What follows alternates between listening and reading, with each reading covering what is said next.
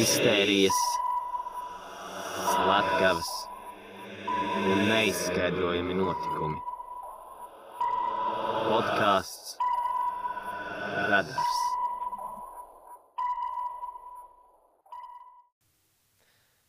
Labdien, dāmas un kungi! Podkāsts Radars ir atkal atpakaļ.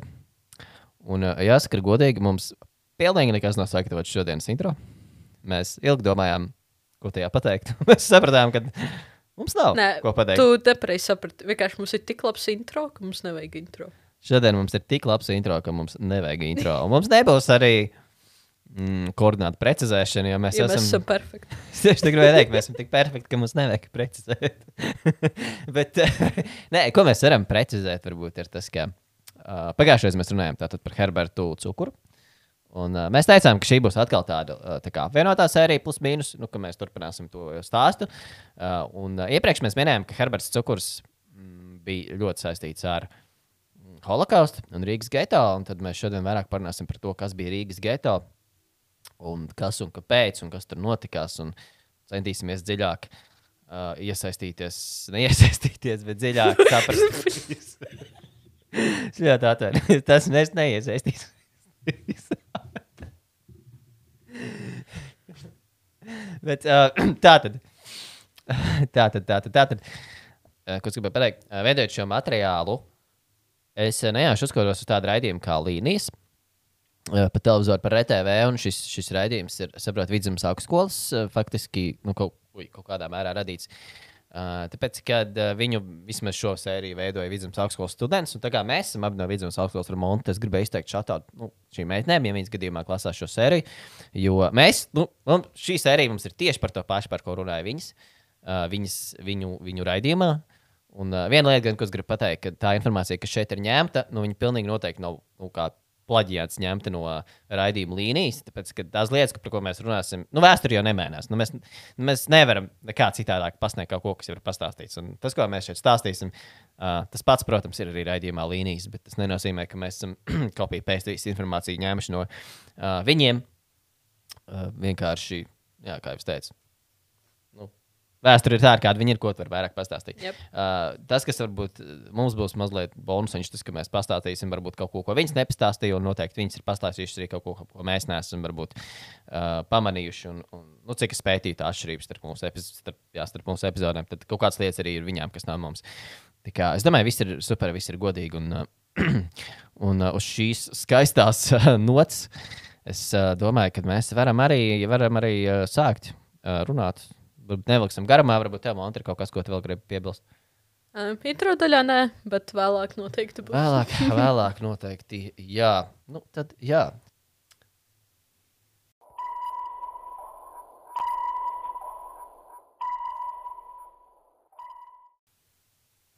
Jā, tā tad Rīgas geto un, un holokausts. Tad es vispār sāku ar to, ka es papētīju uh, geto definīcijas. Mēs neizgājām šitam cauri, vai ne? Uh, nē, Jo man kaut kā, es, kad taisīju, taisīju šo visu, man kaut kā bija atmiņā, ka šo mēs esam gājuši cauri. Mm, daži vārdi. pagato nē. tieši. Jo, uh, ok, tātad uh, faktiski, nu, es teikšu, godīgi, es viņus ar tezauru meklēju, es tezaurā apskatīju, un tezaurā bija trīs. Un divas bija vēsturiskas, kas ļoti atbilst arī mūsu šodienas tematam. Kā piemēram, tātad pirmā bija uh, vēsturiskas viduslaika pilsētas, īpaši ebreju kvartāli, ārpus kuriem ebrejiem nebija tiesība apmesties. Nu, tātad, jā, viņi bija šajā kvartālā, viņi ārpus šī kvartāla nedrīkstēja būt. Viss pareizi. Uh, otrs tātad vēsturisks Hitleriskās Vācijas un tās okupēto teritoriju ebreju nometināšanas un iznīcināšanas nometne, kas arī ir taisnība. Un uh, tātad trešais, kas, ko, uzdie, ko, ko mūsdienās saprot ar vārdu geto, jebkurš graustu rajons, ko labprātīgi vai piespiedu kārtā apdzīvo kāda mazākuma grupa. Šis man liekas mazliet interesants, tāpēc, ka sanāk, uh, ja mazākuma grupa labprātīgi uh, ap- būtu kaut kādā citā rajonā, tad tas vairs nebūtu geto. Nu, tā kā negrauzt rajonā, tas vairs nebūtu geto, bet kā šī mazākuma grupa aiziet uz graustu rajonu, tāds ir automātiski geto. Sapratu ideju? Nesanāk Jā, tā? es sapratu. Jā, Tas man liekas, mazliet, mazliet tāda īvēna. Bet nē, es to galveno ideju, protams, protams saprotu, ka, tā, yep. ka tas ir. Nu, Tas vairs, nu, jā, mūsdienās tas vairs nav tik ļoti saistīts ar ebrejiem, kā tas ir vienkārši ar graustu rajoniem. Uh, bet pievēršoties tuvāk pašam, pašam tātad Rīgas geto, nu, tā vienkāršākiem vārdiem sakot, Rīgas geto bija mazs rajons Maskavas Forštatā, jeb nu, mūsdienās sauktajā Maskačkā, kurš tika izveidots 1941. gada 23. augustā. Tā paša gada 20, 25. oktobrī tika slēgti tā vārti. Un, uh, tās robežas bija Maskavas iela, Jersikas iela, Ebreju iela, Līksnes iela, Lielā Kalna iela, Katoļa iela, Jākapils iela un Latvijas iela. Ja tas kādam kaut ko daudz izsaka, bet nu, faktiski sanāk, ka viens gals bija tur, kur ir vagonu parka stācija, tur, tur tā iela sanāk gar kapiem. Līdz Maskavas ielai, un tad pa Maskavas ielu atpakaļ līdz, faktiski, man liekas, kas tas bija. Kaut kur līdz molam, kaut kur līdz tam galam, un tad no mola atpakaļ uz, uz vagonu parka pusi. Kaut kā tā būtu, nu, tā mūsdienīgāk runājot, iztēlojoties, kur viņš apmēram atradās. Uh, vēl, nu, jā, vēl mūsdienīgāk runājot, mūsdienīgāk.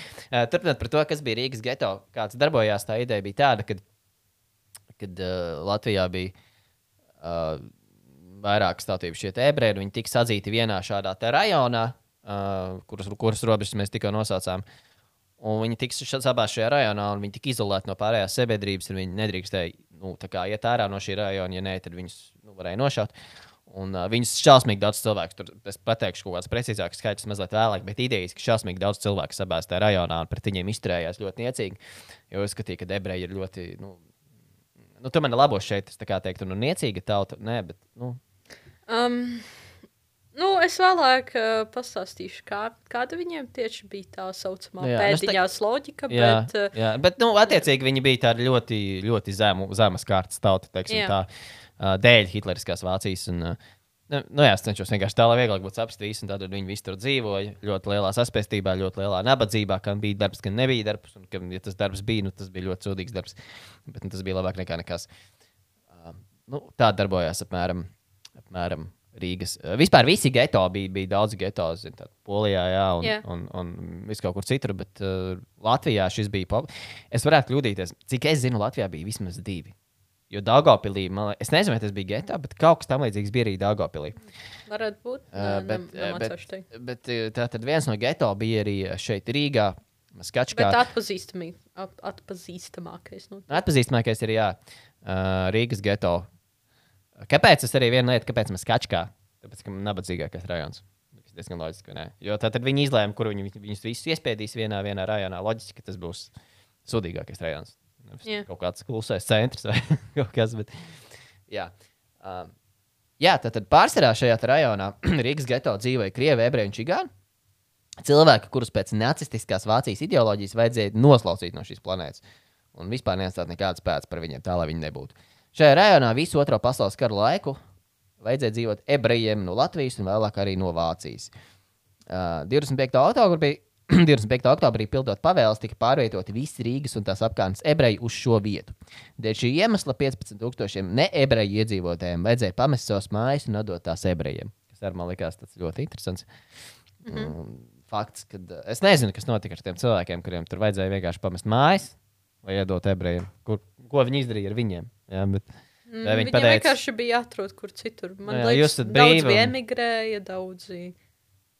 Ja vienkārši jūs esat brīvi, nezinu, dara, ko gribat, bet šeit jūs vairs nedzīvojat. Paldies. Čau. Jā, principā. Nu, pieņemsim, ka principā tā, jā. Un tad līdz ar to tātad viņi tika izmesti no savām mājām, un pretī vairāk kā 30,000 vīrieši, sievietes, bērni un veselas ģimenes bija pret savu gribu tiešām nozīmē sabāzti dzīvokļos. Uh, vienai personai bija aptuveni 4 kvadrātmetri, kur dzīvot. Tas nozīmē, ka faktiski uh, vienā trīsstāvā dzīvoklī dzīvoja 13 vai 14 cilvēki. Iedomājieties, wow! Šis man mazliet atgādināja. Bija kaut kāds vēl viens interesants laiks, es tagad nepateikšu precīzi, kurš. Nu, Kaut kāds komunālais laiks, kad, uh, kad arī daudzas ģimenes dzīvoja vieno, vienā dzīvoklī, kaut kā tā bija. Ā, tu domā padomu laiku? Padomju laikā, jā. jā. Teici komunālie laiki. Padomju laiks, nē, komunālais, tāpēc, kad ir grupa remix, viņiem ir dziesma komunālais blues, man tā dziesma beig patīk, un tur klipā tiek ļoti forši atspoguļots tas padomju laiks, kad Ā, cilvēki teicu. Un, un, tā kā, Jā, tā bija. Jā, es... Tā kā šī lieta, šī, šī lieta attiecīgi vēlāk vēsturē atkārtojas. Vismaz, kad vairāk cilvēku dzīvo vienā dzīvoklī. Uh, un mums ir kaķis kaut kur plānos. Vai bērns? Ā, mums pēc kaķis tas ir. Labi, anyway, tātad ebrejiem arī nācās ciest badu, jo ēdienu varēs saņemt tikai tie, kas strādāja. Kas bija aptuveni 50% no visiem cilvēkiem, kas attiecīgi uzturējās vai dzīvoja tajā Rīgas geto. Uh, šo cilvēku uzdevums bija ne tikai iestrādāt un mēģināt vispār nenomirt, bet arī pabrot 5652 bērnus un 8300 slimos un vecāku gadu gājumu cilvēkus. Uh, geto, pašā Rīgas geto iekšā atradās 16 pārtikas veikali, viena aptieka, veļas mazgātuve un slimnīca. Par slimnīcu man likās ļoti interesanti. Nu, zinot, kas tur notiek, tad, uh, zinot viņu mērķi attiecībā pret ebrejiem, es īsti neredzēju, jēga slim... nu, tā tā ir fake slimnīca, man liekas. Mm, bet viņiem tāpat vajadzēja cilvēku, kas dara ķipa, tos melnos darbus. Viņi bija interesēti vismaz um, tādi jaunajos, uh, jaunie stipri vīrieši, kas ir. Viņi vismaz tajos bija interesēti, ka viņi ir paliek. Jo ķipa, viņi izmantoja saviem mērķiem pēc tam. Bet, ka, nē, bet kāpēc tā slimnīca viņam bija vajadzīga? Nu, lai viņus uzturētu kārtībā. Nu, ķipa, lai kaut kas vismaz paliek. Kā, Jā, Kad, uh, es saprotu, tur pilnīgi visiem vienalga bija, kas notiek ar ebrejiem. Nu, ja tā.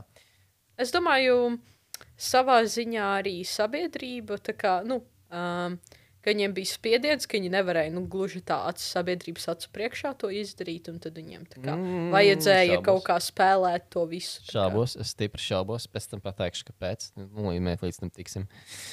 Bet tagad tas, nu, es tev jāvēl, kas ir, kāpēc es šaubos, ka viņiem sabiedrības priekšā vispār bija kaut kā žēl. Bet tā tad. Vācieši priekšā ebrejiem iesniedz arī vairākus likumus. Piemēram, viņi nevarēja atrasties publiskās vietās. Viņi nevarēja iet uz, uz visādām nu, ikdienas čājām, vietām, teātriem, operām, parkiem, piemēram. Ja.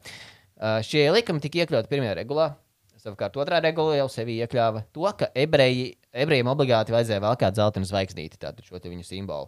Ja šo likumu kāds pārkāpa, nāve droši. Значит, viņi jau tika atsevišķi iezīmēti, lai tu redzētu uz ielas, ah, значит, tas ir ebrejs. Man Tā, nu, ja viņi bija uz ielas, man liekas. Kaut kāda daļa jau bija. Man tā liekas. Bija. Es zinu, ka bija. Kaut kas bija. Es jā. zinu, ka bija. Pēc tam tas parādīsies. uh, tāpat ebrejs drīkstēja dabūt tikai pusi no tā ēdiena daudzuma, ko ieguva parastais cilvēks. Tad attieksme pret ebrejiem bija tāda pati kā visās citās nacistu pakļautajās vietās. Значит, liels, patiesībā liels, liels moks.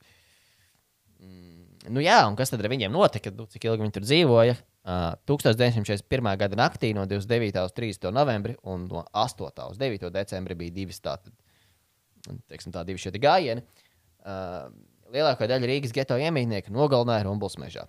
Vācu uh, tātad, komandas kopā ar vietējiem kolaboracionistiem šajās dienās iznīcināja 26,000 cilvēku. To skaitā 8,000 bērnu līdz 10 gadu vecumam. Vai, Bišķiņ man liekas, tu nebija arī rubulā tajā. Es gribēju tam pieskarties vēlāk. Es biju. Jā. Jā, tāpēc bet, es domāju, jā. Bet patiesībā, fun fact, ir, kad es ā, iepriekšējā sērijā minēju, ka uh, es esmu bijis Rumbulā un tur ir uh, viena forša vieta. Es viņu sajaucu ar Salaspils memoriālo ansambli, man liekas, kas ir. Kam es Ā, pieskaršos. varētu būt. Jā. Jo man liekas, Salaspils memoriāls, nu labi, Salaspils memoriāls ansamblis, man liekas, kad ir viena no underrated tumšā turisma vietām. Mm -hmm. Ar tiem cilvēkiem, kas tur ir. Jo man liekas, tik daudz hype par, es nezinu, kur viņi Austrālijā, kaut kur blakus Austrālijai, kaut kur bija kaut kāds tās akmens cilvēku galvas, kas ir tikai baigi populārs. Mm. Un man liekas, bāz, bet mums reāli ir akmens cilvēki kaut kādi. Nu, kā, un, ah, un tur vēl, ah, tur vēl viena lieta. Uh, Tur ir uzraksts, ieejot iekšā. Tur ir uzraksts, kurš, uh, es nepateikšu precīzi, bet vieta, kas neaizmirst, vai vieta, kas dzird, vai kaut kas tāds. Mm -hmm. Un tad tu pieeji vienā tur tādā, pie tādas vienas statujas vai monumenta, vai kā viņi nosaukt, pie viņa pieeja. Un kādreiz tu varēji dzirdēt tādas tā sirdspakstus. Mm. Nu, tā kā tas bija. Vai arī tur bija rakstīts zeme, kas uh, rauda vai kaut kas tamlīdzīgs. Un, un, un tad tiešām skaties tām lielajām figūrām, un tur tā kā ar, tu dzirdi to tunku. Mm. Un tiešām tāds jūtas, ka zemē ir sirdspuks. Tāda bija Ā, tāda es- kaut kāda doma tur uztaisīt, un tās mm -hmm. figūras man liekas nenormāli. Bet es, eh, tas, es biju, nu, es esmu bijis tur. Bet uh, tas nebija tas, ko es domāju ar Rumbulu. Tur viņas nenošāva. Tur bija viņiem kaut kāda nometne vienu brīdi vēlāk, bet tur viņas nenošāva. Viņas nošāva bišķiņam. Tā bija mazliet cita vieta, kur mēs bijām ar vidzemes augstskolu aizbraukuši. Uh, es īsti nesapratu precīzi to vietu. Tagad, kad es viņu meklēju uz kartes, es viņu īsti neatradu. Bet, uh, nu, es braukšu, viņu varētu atrast. Tur nebija nekas tik ļoti īpašs. Viņa nav tik ļoti izcelta, bet, kā jau tu zini mm. to vietu, tad uh, saprotu, tā ir tā vieta, jā, kur tā tad attiecīgi novāc šos ebrejus. Kas tur notika dziļāk, mēs vēl bišķi vēlāk tiksim līdz tam. Uh, jā, um, es vienkārši gribēju arī pievērsties tam, ka tu iesniedz tādu vēsturisku apskatu. Es domāju, um, iesniegt tādu mūsdienu vairāk apskatu, kas šobrīd notiek šajā attiecīgajā teritorijā. Um, un šobrīd, pie, tur, kur kādreiz bija Rīgas geto robežas, ir iz, iz, izveidots Rīgas geto muzejs. Uh, un pati ēka ir celta 19. gadsimta otrajā pusē, un pirms kara tajā bija noliktavas un zirgu stallis. Un, uh, kas ir interesanti, kad uh, šī uh, muzeja zeme teritorijā ir izslikta ar atmeņi, akmeņiem no, tām, ge, no tā geto reāli. Un uh, te ir arī atrodas memoriāla siena ar stendiem, kuros ir minēti vairāk nekā 70 tūkstoši Latvijas ebreju vārdi, kuri kļuva par holokaustu upuriem, un ap 25 tūkstoši citu Eiropas valstu ebreju vārdi, kurus deportēja uz šejieni, lai viņus iznīcinātu. Un uh, tagad viens tāds, es izlasīju par tādu interesantu faktu, uh, kas izklausās diezgan ieskaitīgi, bet kā, kad tu paskaties no kā latviešu perspektīvas, man liekas tā bišķi interesanti, kad uh, Uh, šis ne, kur bija kādreiz Rīgas geto, viņš saglabāja savu vēsturisko unikalitāti. Un šī bijušā Rīgas geto teritorija gandrīz vienīgā Eiropā, kas nav pārcietusi arhitektoniskās pārmaiņas pēdējo 60 gadu laikā. Kalpojot par vēstures un arhitektūras pieminekli otrā pasaules uh, kara holokausta noteikumiem. Un uh, es uh, lasīju vēl te, kas mani fascinēja vispār. Es nezinu, cik šī informācija ir um, updated, bet te, bija rak te bija rakstīts, ka pagalmos pakarinātas apsu, aprūsējušas mazgāšanas izlietnes vēl joprojām stāvot. Jā, es ievēros. Es Nu, arī nezinu. daudz. Es arī uh, nezinu. Man atklāšanu. liekas, es biju tā kā reāli šokēta. Man liekas, nopietni, vēl joprojām viņas pieejamas. Bet, uh, jā, tā kā, kad tu, piemēram, lasi šo faktu, redzi, uh, tu vēl joprojām vari apskatīt uh, šo geto teritoriju, tu dažas vietas nav izmainījušās un tā un tā. Un kad nav vienīgā vieta Eiropā, gandrīz, kur nav pār, pārdzīvos pārmaiņas, un man likās bāds, bet tas tā kā, kā tas izskatās tā kā uz Rīgas fona, kad reāli tāda vieta vēl joprojām pastāv, tā kā, kuru vēl joprojām var apskatīt, ir tādā pašā stāvoklī, kāda viņi ir. Un man liekas, tāds um, interesants fakts, kad vēl joprojām ir, tu vari ieskatīties vēsturē vēl jo šodien savā ziņā. Man liekas, kā uz to skatās. Nu, tā kā ar Nu, jā, cilvēku, arī. uz kopējā fona tas galīgi nepatīk, bet ir Nu, kādi fanāti, tumšā turisma fanāti, un viņiem tāds autentika, zin kā. Nē, nu, reāli autentika, cik saprotu. Es neesmu nekad bijis tajā Rīgas gata muzejā pati vai arī tajā teritorijā baigi, bet uh, es vispār gribētu aizbraukt, paskatīties Tas kādreiz. bijis, bet uh, es neatceros. Nē, es, at, nu, es neatceros to, ko tu tagad minēji. Es atceros, ka tur uh, viss tāds interesants lietas bija. Bet, mm. Tas bija pirms gadiem, četriem. Tāpēc Ah, es okay. ok. vienkārši neatceros. Bet, uh, Jā, jā, var kādreiz aiziet ekskursijā. Kāpēc? nu, Nu, jā, tā, tā izklausās. Un arī, kas man atrada vienu citātu par šo muzeju Liverīga mājaslapā, kas bija. Uh, tur bija rakstīts, šai vietai jākļūst atgādinājumam nevien par briesmīgiem notikumiem, kuri nekad nedrīkst atkārtoties, bet arī par izglītības un kultūras centru, tolerances un savstarpējās cieņas avotu. Tas nav nāves muzejs, tas ir dzīvības muzejs. Un man ļoti patika šī doma, jo kā no vienas puses tas ir, um, kā, protams, viņi atspoguļo to visu, kā tas ir noticis, tā, bet no otras puses tu izglīto cilvēkus, Uh, un uh, tu tādējādi padari to visu par ko tādu, nevis ko atcerēties, um, kā lai saka, lai ir no kā mācīties. Un, kā, kad uh, tu parādi cilvēkiem, kas notiek, ja zūd savstarpējā cieņa, kad uh, starp cilvēkiem, kas, kas notiek. Un man patīk, ka tas ir dzīvības muzejs. Es man tas teikums diezgan uzrunāja tādā ziņā. Uh, bet, uh, bet, bet, jā, jo man liekas, uh, Aušvicē arī, nu, es vēlāk pēc tam pastāstīšu, bet uh, Aušvicē arī kaut kas līdzīgs tur bija uzraksts, rakstīts kaut kas um, par šo Pateik, mums domu. tā kā uz podkāstu vienkārši pussērijas tad anais. Nu, vēlāk, nu, vēlāk. Nu, jā, bet nē, tas bet būs vēl. Bet nē, tas, ko es gribēju piebilst, man liekas, ka tieši um, kā tagad arī ir tās piemiņas dienas. Ebrejiem, nu, kad viss tas notika, viņš šie notikumi, šīs dienas tagad piemina ar sveicītēm tā tālāk, un mm -hmm. kaut kas teica, ka, es nezinu, vai prezidents vai kas, bet kaut kas teica, ka ir uh, riktīgi forši, kad cilvēki mm, tiešām neaizmirst šo te visu, nu, holokaustu un vispārējo, un kad mm -hmm. viņi, nu jā, ka viņi, es nezinu, vai jūs kaut kādā ziņā vainīgi, bet kad viņi, kā, hei, nu šī tomēr ir kā svarīga vēstures daļa, mēs viņu nedrīkstam aizmirst, mums no viņas ir jāmācās. Nu, Jā. jā, so, uh, jā, tas man arī diezgan, diezgan ir paticis. Mm. Šī doma. Um, un, un, un, jā, un uh, runājot tālāk, eh, es gribēju uh, paņemt tādu kā lielo bildi paskatīties vairāk, un kāpēc vispār notika šis holokausts, un um, kāpēc uh, vispār nonāca pie šā Rīgas geto, kāpēc vispār tāds nu, tika izdomāts. Uh, un tam priekšnosacījumiem uh, bija vairāki, priekšnosacījumi, jeb ietekmējuši faktori bija vairāki. Un viens no tiem bija uh, šis te vēsturiskais antisemītisms. Uh, viens arī, uh, kas bija nacionālismu uzplaukums uh, pēc Pirmā pasaules kara. Uh, paša Pirmā pasaules kara sekas, uh, nacistu kustības uzplaukums, konkrēti arī tieši šajā visvairāk, protams, Adolfa Hitlera loma tajā visā, un arī Otrā pasaules kara sekas un notikumi. Un uh, sanāk, kad šis viss notika, šo visu faktoru kombinācijas dēļ. Tur nebija kā viens konkrēti, kāpēc notika, tas bija vairāk. Uh, vairāk uh, komponentu šim visam, un es pastāstīšu par katru nedaudz sīkāk. Un uh, runājot tieši par Nacionālo Pirmā pasaules karu, tātad um, uh, pirms Pirmā pasaules kara, uh, varbūt esat dzirdējis, viena no lielākajām kustībām uh, inteliģences bija apgaismība.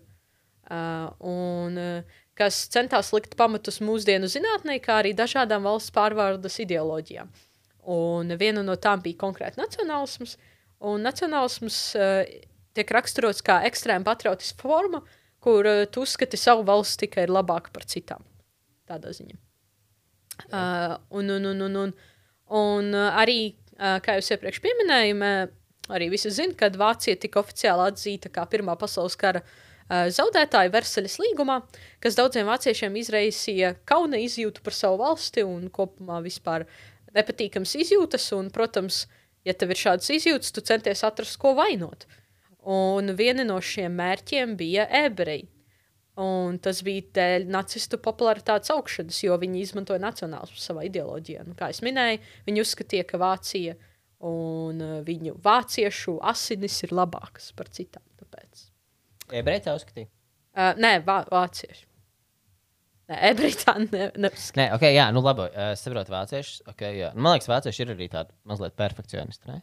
Nu, savā būtībā. Uh, nu, varētu tā būt, bet, nu, kā jau iepriekš minēju, te vairāk spēlēja lomu tas, ka viņi mēģināja vienkārši atrast kādu, ko vainot pie tā visa, kad redzēt viņu. Ah, tā kā- es iebraucu. Jā, Es viņi iebraucu. tā kā Jā, jā, jā. uh, viņi redzēja zaudējuši savu varu, uh, varu šo karu, un tad viņiem bija tāds, ok, ko mēs varētu vainot. Tad, ir vājais punkts? Ebreji jā. vājais punkts. Un tad viņi, jā, viena vien dēļ tā nacionālisma un, uh, uh, nu, kā jau minēju, arī nacismu, popula nacistu popularitātes, nu, diemžēl uh, ebreji tika šajās krustugunīs.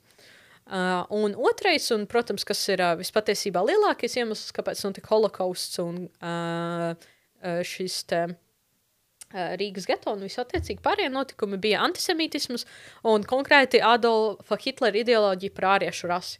Um, vai- cik tu sīki zini tajā visā. Uh, Stāst. kāpēc viņa tāda ir un tā. Bet, jā, um, principā, uh, kāpēc vispār Hitlers domāja, ka atsevišķu cilvēku grupu iznīcināšana palīdzēs cilvēcei kopumā?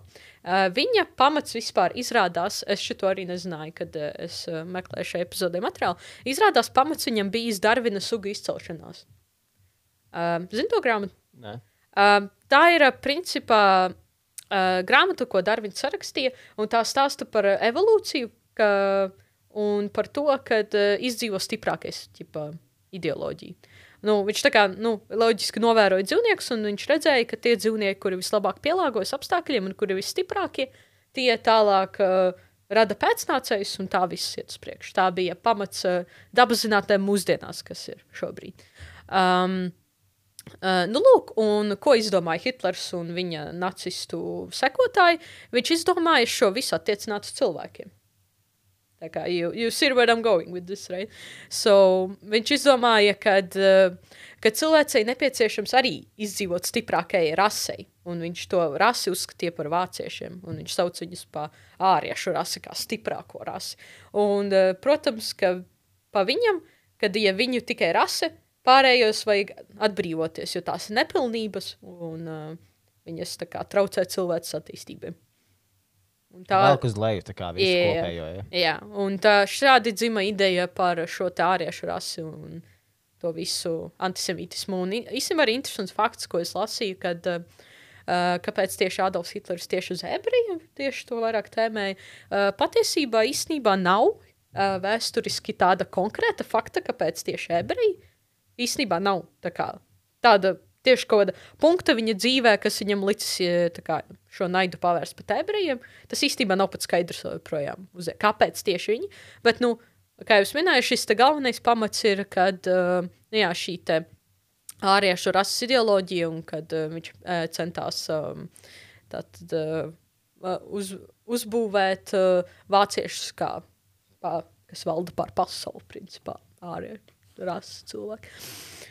Uh, un jā, un uh, trešais uh, tāds kā punkts bija par otrā pasaules kara sekām, uh, un, un, un kā jau es iepriekš minēju, uh, nacionālismu kustība un citi faktori savu kulmināciju sasniedz tieši otrā pasaules kara laikā. Ja tas viss iesākās jau pirms Pirmā pasaules kara, sas, sas, sāsinājās pirm, uh, pirmajā, un tad kulminēja otrajā pasaules karā. Sanāk. Un, kad arī tieši mums šo epizodu temats, kad sāka veidot šos geto dažādās valstīs, un tas viss bija uh, tāpēc, ko es minēju iepriekš, uh, iemesli, kāpēc šie geto bija un tam līdzīgi. Un, uh, arī otrajam pasaules karam virzoties priekšu, at, Vācija atkal redzēja, uh, kad viņa uh, pieredz zaudējumu.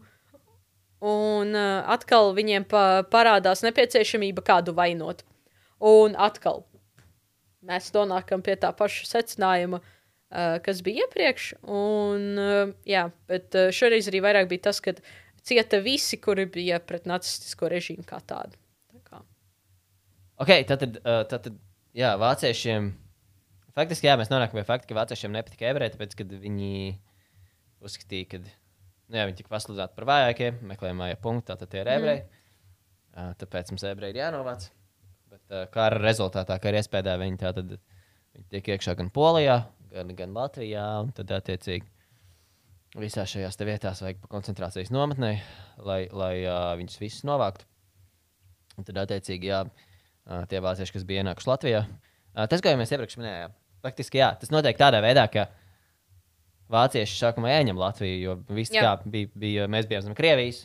Tad nāca vācieši un viss domāja, o, būs nice. Vācieši ienāk Latvijā. Viņi, nu, cik nu, bet nu, līdz Rīgai viņi tiek. Mm -hmm. Un tad viņiem ir ok, tā tad Rīgā ir Rīgas ebreji arī, vai ne? Tātad, ok, šīs tā tad, šos arī mēs naturalizējam un, un, un tā esam geto, iesmandējam viņus visus vienā geto un novācam nost. Mm, Kaut kā tā pakāpeniski gaitā viņu uh, domāšana.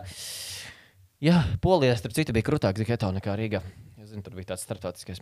Mm. Bija no vairākām. Nu, it kā kaut kādā ziņā, laikam, Latvijā arī, bet uh, katrā ziņā viņš bija daudz lielāks. Tur bija līdz 80 tūkstoši cilvēku. Un, Mm -hmm. Un, uh, nu, par to es mazliet vēlāk arī pieskaršos, bet uh, tam, kam mēs gribējām pieskarties, tagad, kad mēs nu, apmēram kaut cik zinām, kas un kāpēc, uh, tad mēs varam iedziļināties uh, no cilvēku stāstos, kas paši ir to redzējuši un uh, kas tā tad ir kaut kur stāstījuši. Uh, piemēram, Žānis Lipka. Ja nemaldos, viņš bija viens no cilvēkiem, kurš glāba ebrejus. Uh, mm. Bija arī tādi cilvēki, kas riskēja reāli ar savu dzīvību patiesībā. Jo nu, viņas pieķēra. Bija, bija pat viens gadījums, viena sieviete pieķēra, ka viņa slēpja ebrejus un viņa novāca ar visu viņas ģimeni. So, jā, tad cilvēki bija, bija kas slēpa ebrejus, jo viņi apzinājās, kas ar viņiem notiks. Viņi centās viņiem palīdzēt, bet tas bija žēlsmīgs risks. Un, un, uh, jā, tad uh, Lipka bija viens no tiem. Viņš raksta šādi. Es atrados nelielā ļa- ļaužu bariņā, kas šausmās stāvēja aiz geto nožogojumu un vēroju, kas tur vispār notiek. Īsts haoss, cilvēki bezpalīdz, bezpalīdzīgi metas no vienas mājas uz otru, kliedz raud, uh, vieni stiepja kaut kādus sāņus, citi čemodānus, tāpēc, kad viņiem tika pateikts, ka ebrejiem tika pateikts, ka viņus pārvadīs uz, viņi jau nezināja, ka viņus nošos. Nu, viņi daļa aptvēra, inteliģents to aptvēra, viņi zināja, ka viņus iznīcinās, bet nu, bija kaut kādi, kas ticēja, ka nē, gan jau. Un viņiem teica, jā, mēs jūs pārdodam uz citu nometni, sakravējiet mānus. Tāpēc tā, tur bija visi šie čemodāni un vispār, vispārējais.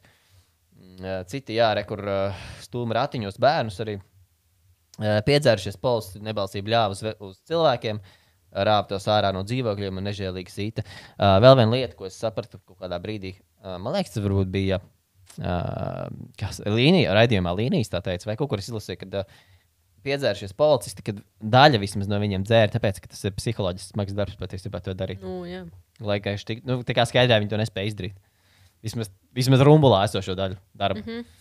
Jo to jau, nu, kaut kāda daļa bija vācieši, kas to darīja. Vācieši, kā es saprotu, viņiem ir, nu, kaut gan arī kā kuram vācietiem, es domāju, nu, ja visiem vāciešiem tik tur all-nights pret ebrejiem, visi viņi mūs, viņiem tikai tāds ir likums. Bet uh, es domāju, ka latviešiem, kuri to darīja, viņiem bija vairāk psiholoģiski grūtāk izdarīt nekā vāciešiem. Uh, Uh, jā, tā tad uh, daži tātad, no šiem te uh, apsargiem, policistiem, uh, tur skatoties, vienkārši šāva, kur pagadās pašā polī. Mm, uh, tika šauti un cisti tie, kuri atpalika no. Ah, jā, tad viņus visus salika vienā kolonnā. Un tad šīs kolonas gāja uz Rumbulu. No 10, 10 km tātad tie ir no Maskačkas uz Rumbulu, no tās eh, konkrēti no Geto uz Rumbulu. Un uh, tie, kuri netika līdzi, bija grūti paiet, vai kaut kādas citas problēmas, tos nošāva turpat uz vietas, uz ielas. Un tāpēc, es te, un tāpēc es, um, tu, tu par to slimnīcu minēji, kad vienkārši, lai parādītu ārienē, tā kā, ka te ir, nu, ka te nav tik slikti, vai kaut kā tā tu teici, vai nē. Un tad, uh, nu, tas fakts, ka viņi ārienē, viņi izdara viņus ārā no geto, un tie cilvēki, kas ir ārpus tā geto, redz, kas viņiem notiek, viņi vienkārši brutāli šāva viņus nost. Bez, tā, tā kā, tas man lika, tā kā, Es uh, vairāk biju domājis, tā kā uh, ne jau tiem cilvēkiem, kas ir uz vietas, bet vairāk tādu kā kopumā skatus biju domājis to visu. Bet, nu jā, es uh, saprotu, ka ne vienkārši kaut kur um, arī lasīju, kad um, uh, īstenībā daudzas lietas, ko bija nacisti ieplānojuši, viņi dēļ sabiedrības spiediena neizdarīja. Es arī lasīju par vienu uh, nometni, kur tā kā, man liekas, viņas sauc kaut kāds T1 vai T4 vai kaut kas tāds. Un uh, viņas tās nometnes bija plānotas vienkārši uh, nogalināt uh, garīgi uh, slimus vai fiziski slimus ebrejus. Un dēļ sabiedrības spiediena to programmu apturēja. Jo vienkārši viss tā kā rīktīgi sāka nu, par to, kad viss nonāca publikā un tā. Bet, nu, protams, tas bija Vācijā atkal, bet nu, tāpēc es vienkārši. Laiks, tas uh, laiks mēram tas pats. Sanāk. Jā, jā, tas bija tas pats laiks. Aptuveni, Ok, okay, ok, okay, Tāpēc es tā teicu, bet, nu, jā, varbūt, nu, protams, šī ir, šī ir, šis ir cits vēst, nu, konteksts, cita vieta, bet, jā, tāpēc tā, kā tā vairāk teicu. Jā. Bet, jā, nu, makes sense, eh, loģiski, kad uh, daudzi vienkārši cilvēki pakļāvās, jo viņi tad riskētu ar savu dzīvību un savām ģimenes Jā, dzīvībām. Tas, kā. mēs pieminējām, Tas, jā. tas jau. Uh, Turpinot, Džana Lipka, tad lielas, lielas mājas pagalmā redzēja daudz sieviešu un zīdaiņu līķu. Māja atradās Lāčplēša ielā blakus dzeloņrāša žogam, kas bija aplikts apkārt geto. Uh, Elmārs Rivašs raksta, pielieti asinīm iela, balts sniegs pa vienu nakti kļuvis pelēks ar sarkaniem pleķiem. Līķi, visi veči un sievietes, saspiesti ratiņi, bērnu ragaviņas, somiņas, cimdi un galašas, maisiņa rēdiena, pudele ar knupīti, tajā saslušas auzas, bērna potīte. Es pieņemu, tā bija pudelī domāt, ne? Um, Varētu būt, kā domā, pēc žargāna. Botīte, Mm. kas vēl varētu būt botīte. nu, bote, botīte. Ah, botīte kā bota. Ah, Jā, Bērni, bo... ah, varētu būt tikai arī. Jā. Pa malām līķi. Silti, mīksti sejas pieliec ar asinīm acis aizvērts. Beila, Hamburga. Es nezinu, vai tā bija tā meitene, kas palīdzēja glābt vai nē. Man liekas, ka nē. Varbūt arī. Cilvēki virzījās uz priekšu lēni, policists sauc ātrāk, ātrāk, taču nekas nelīdzēja. Kļuva, ah, viņa, viņa tā tad ir viens no ebrejiem, tad viņa nepalīdzēja. Kļuvām vienaldzīgi, dzīvot grib izdzisi, gājām pa Maskavas ielu, pie logiem stāvēja cilvēki un noraudzījās uz mums. Daži slaucīja acis, taču redzēja arī tādas, kuras smējās, un viens pat rādīja dūri, kas man tas damn. Nu, tā, nu, tā kā so cruel, you know. Uh, tikām līdz gumijas fabrikai kvadrāts, un tad jau arī izdzirdējām šāvienus. Un tad jau bērns sāka skaļi raudāt. un Policisti jau bija piedzēršies un tikai mudināja ātrāk un ātrāk. Uh, Herberts Cukurs, mūsu pagājušās epizodes varonis, mm -hmm. raksta šādi. Ar nelielu astatumu kolonu sekoja kolonai, un Maskavas ielā varēja dzirdēt daudzos šāvienus. Iela bija pilna ar nomestām mantām. Apģērbu bija redzamas arī asins peļķis, dažviet gulēja arī nošautās sievietes un bērni, kuri nespēja tikt līdzi. Dažās vietās uh, aiz porcelāna fabrikas nogalinātie gulēja kaudzēs, asins tecēja ūdens notikās. Un, uh, nu jā, visu laiku bija dzirdami tādi šie šāvieni. Uh, Ausma Garkalna raksta, uh, novembra beigās gar mūsu mājām, kad māte bija atvērta logu no rīta tīri istaba, nāca pirmā kolona nelēmīgo ebreju. Cauri dienu skanēja šāvieni, varēja dzirdēt nāvēju nolam to vaimanas, bērnu raudus. Uh, kad likvidēja kādu ebreju transportu no Vācijas, dažas nošautās sievietes gulēja uz bērnu malā vēl vairākas dienas. Dzelzceļnieki ziņoja policijai, lai šie prasa vāciešiem novākt šos te kritušās. Jā, bija tāda lieta, ka viņus vispār novāca, bet viņi tur kādu baigo laiku gulēja. Viņus tā momentāli mm -hmm. nesavāca vispār prom. Uh, bija starp citu kaut kādi, kas vēl mēģināja no tās bedres izlīst ārā, un viņas vēl, vēlreiz atšāva. Tad bija tāda daļa, kas pat tika no bedres ārā. Bija konkrēti divas sievietes, kuras bija izglābušās. Nu, viņas tā kā tika sašautas, bet viņas kaut kā pamodās, un uh, visi jau bija aizgājuši prom. Un viņas tā kā pusdzīves gāja meklēt palīdzību, viņas nonāca līdz stacijai. un tad viņi stācijā paņēma cietu un aizstāja atpakaļ uz Rumbuls mežu un nošāva. Mm. Tā kā, kā bija arī tāds gadījums. Uh, Frīda Frīda Mihelsone, viena no izdzīvojušajiem, raksta šādi: Nokrita ar seju sniegā un gulēja, izlikdamies mirus. Ļauds gāja man garām. Daži uzkāpa virsū, es nekustējos. Kaut kas man iesit pa muguru, tad vēl kaut kas krita man virsū. Beidzot, es apjēdzu, ka tās bija kurpes, jo tās krīt pa pāriem. Apaukalns spieda mani no augstuma un nekustīguma. Mans ķermenis bija kļuvis nejūtīgs. No ķermeņa siltuma sniegs man apakšā bija izkusis. Gulēja ūdens, augsta ūdens pēļķē. Uz brīdi iestājās klusums. Tad no grāva puses izdzirdēja bērnu raudas, mamma, mamma, mamma. Daži šāvieni, klusums pagalam. Un viss uh, no tādiem, nu, labi, tālāk vienkārši. uh, Valters Bruns raksta šādi: bedres bija 24 metri garas, apmēram 3 metri platas. Tajā bija jāieguļas kā sardīnēm kārbā, uh, galvas uz vidu, augšā seši ar mašīnu pistolēm, kuri tad iešāva galvā. Kad es ierados, tā jau bija pilna, dzīviem bija jāguļas virsū, un tad viņus nošāva, lai taupītu vietu. Viņiem bija jāguļ tādā nu, ciešās kārtās, lai taupītu vietu citiem.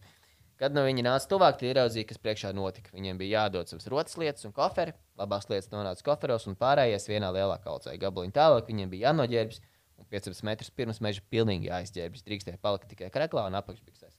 Tās visas bija sievietes un mazi bērni, tā ap divus gadus veci. Jā, tad, tad vēl viena lieta. Viņiem tā kā teica, jā, jūs varat nest savas mātes līdzi, jo jūs tā kā pārvadīsiet. Viņiem vienkārši atņēma mātes. Viņas faktiski apzaga kaut kādā mērā. Jā. Un, uh, tad mums ir tāds cilvēks kā Marģers Vestermanis, kas ir savā ziņā diezgan, uh, teiktu, populārs. Tāpēc, viņš, viņš, viņš ir viens no tiem, kurš izglābās no tā visa, bet uh, viņš, uh, viņš ir vēsturnieks, kurš sāk to visu pētīt. Viņš bija viens no cilvēkiem, cik es saprotu, kurš ļoti gribēja par to arī runāt. Mm. -hmm. Visu šo tā viņam. Nu, ja es tagad nekļūdos. Uh, viņš vienā no.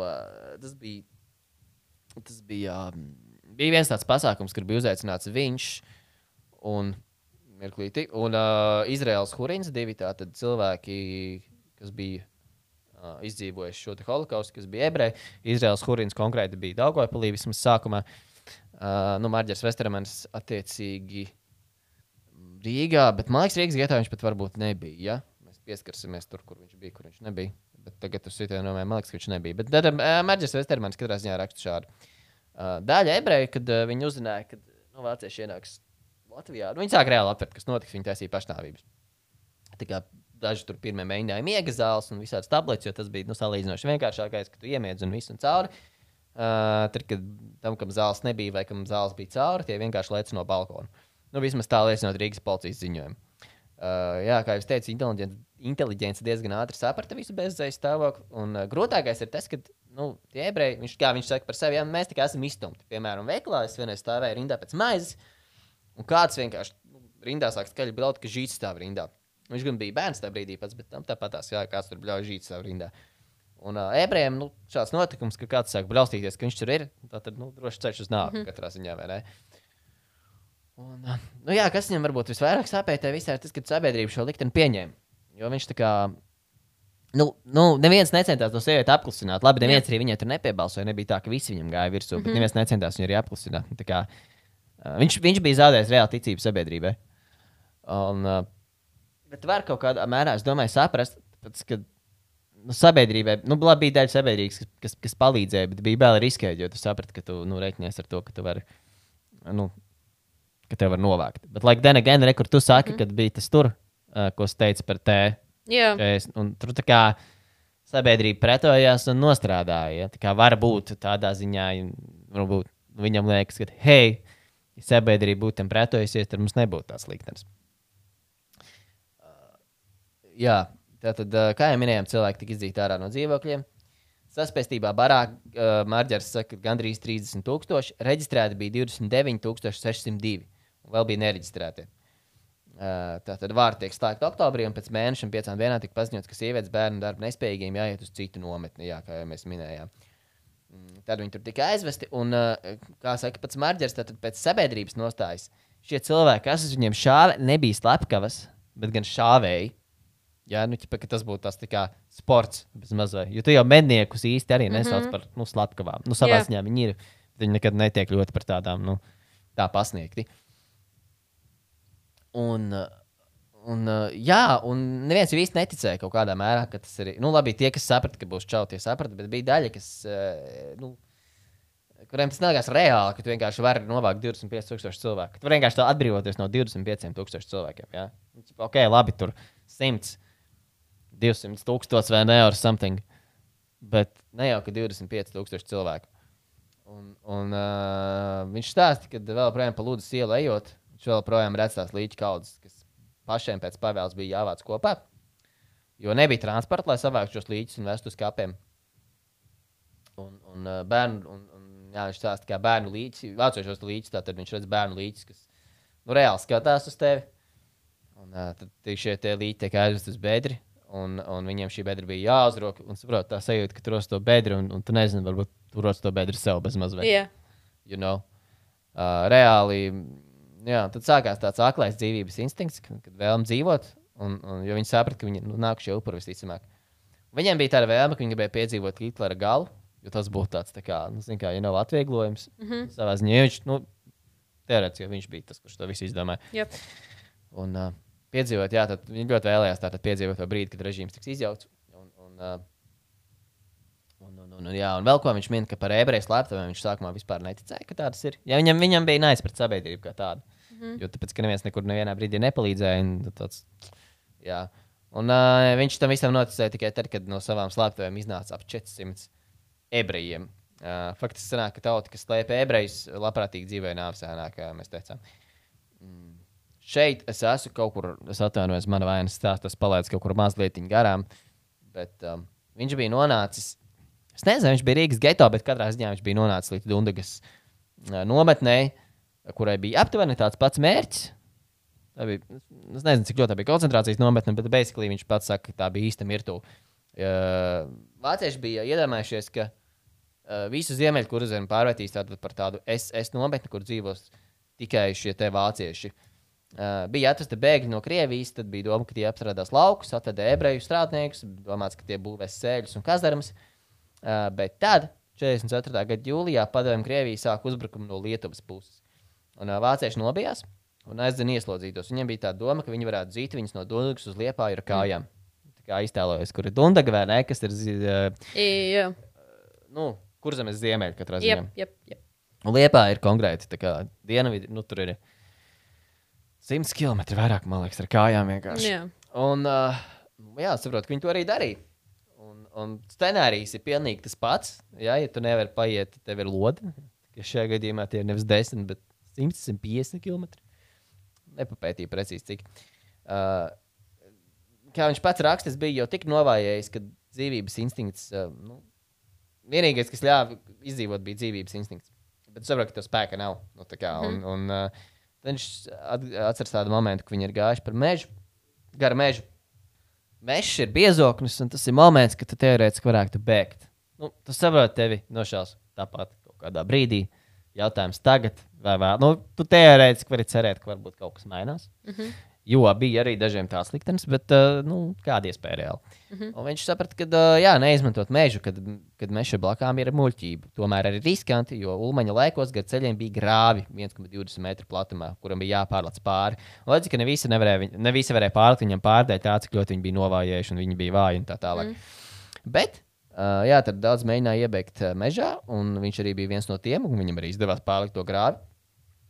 Un, un jā, tad, kad viņi iebēga mežā pāris cilvēki, tad atskanēja šāvieni. Kāds tika nošauts, bet viņam konkrēti paveicās. Nu, viņam pa viņu netrāpīja, viņam mm -hmm. izdevās aizbēgt. Uh, tur gan ir, ir atrodama viena intervija. Mm, internetā ar, ar Mārķēru, kur viņš stāsta, kā viņš pēc tam tur ir kaut kur lavījies. Un, Tāpat jau nu, ar to nekas nebeidzās, ka viņš tā mežā iebeigts. Tāpat jau tur viss tur, kur zemē bija vācieši, un viņi meklēja, viņu kontrolēja. Kā viņš tur slēpjas arī pie citiem mājās. Un, nu, ja nemeldos, tas bija Marģers Vestermans, un katrā ziņā viņam bija uh, nu, jāmāk izdzīvot kaut kādā mērā. Jā, tas, tas vienalga smagi. Uh, bet ir pienācis tāds moments, kad, uh, nu, ka viņš kaut kādā mērā ir brīvs. Nu, viņš to saprot. Mm, jā, tad tas stāsts rodas par, par, par to izdzīvošanu dzīvi pēc tam. Un Marģis saka, tā, es sāku domāt, visa mana pasaule ir gājusi bojā. Jā, nu tā kā jā, ģimene ir viņam visi gan jau atšauta. Mājas viņam vairs nav. Nu, ko tu vari darīt šajā momentā reāli? Mm. Saprot, Tie ebreji, kas izdzīvoja, labi, viņi, viņi saprot, viņi nenomirs, bet viņi nezina, ko darīt tālāk. Pēc tam, ah, un, un jā, pie tam viņš uzskatīja, ka viņš ir pasaulē, sabiedrībā, uh, kur, nu jā, pasaulē, Latvijā, kur sabiedrība vispār nav palīdzējusi. Jā, vispār jā, kaut kam te. Un pēc tam, uh, kad viņš uzzināja, ka ir daļa tautas, kas ir glābuši ebrejus, tad viņš saprata, ka viņš tomēr var šeit Latvijā palikt. Mm, vēl viņš stāsta, ka to, ko šodien dēvē par holokaustu, kad uh, viņam, jeb šiem izdzīvojušiem cilvēkiem konkrēti, viņiem tas nebeidzās 9. maijā, ja, vai, vai, vai kurā datumā. Viņš saka, ka tu esi tajā iekšā līdz šodienai, tu nevari atbrīvoties. Mēs, kas esam izdzīvojuši, mēs nevaram jā, no tā atbrīvoties. Padomju laikā ebreju ciešana vēsture bija aizliegta. Bija liekts par to rakstīt, par mēģinājumu publicēt vācu dokumentus, kas liecina par ebreju iznīcināšanu. Uh, viņš esot izmests no darba. Pusotru gadu viņa vispār neņēmies darbā. Uh, Jo viņš ķīpa bija pastrādājis milzīgi noziegumu, tāpēc ka viņš vienkārši gribēja nu, kaut ko atklāt. Mm -hmm. uh, bet, uh, nu jā, un tāpēc viņš minēja traģēdiju. Tas bija arī konkrēti šis laiks, jau ir uh, padomju, ui, sarunājos, jā, kā jūs minējāt, padomju laiks, un tas, uz to viss skatījās uzreiz mm -hmm. uh, citādāk. Uh, piemēram, iepriekš minētajam Hurinam, ar ko viņš bija tajā pasākumā kopā, viņš teica, viņam, piemēram, bija jāmācās, ok, viņš varēja strādāt. Bet viņš pats personīgi smaģēs, nu viņš nevarēja strādāt. Viņš tajā brīdī man bija 19 gadi, skola bija pabeigta, tas bija viss. Man nav nekā, nu, ar mani apkārt. Viss. Ģimenes nav, izglītības nav. Jep. Tur izglītību nevar iegūt, tāpēc, ka tev, nu, tev nav ne naudas, ne darba, ar ko tu varētu iegūt naudu, ne ģimene, kas tev varētu kaut kādā veidā atbalstīt. Tev vispār nekā nav. Mm -hmm. Un uh, tad uh, no nometnēm atgriezās daži biedri, bija kaut kādi izdzīvojušie senāk. Viņš saka, ka tajā brīdī viņi sāk dzīvot kā komunā.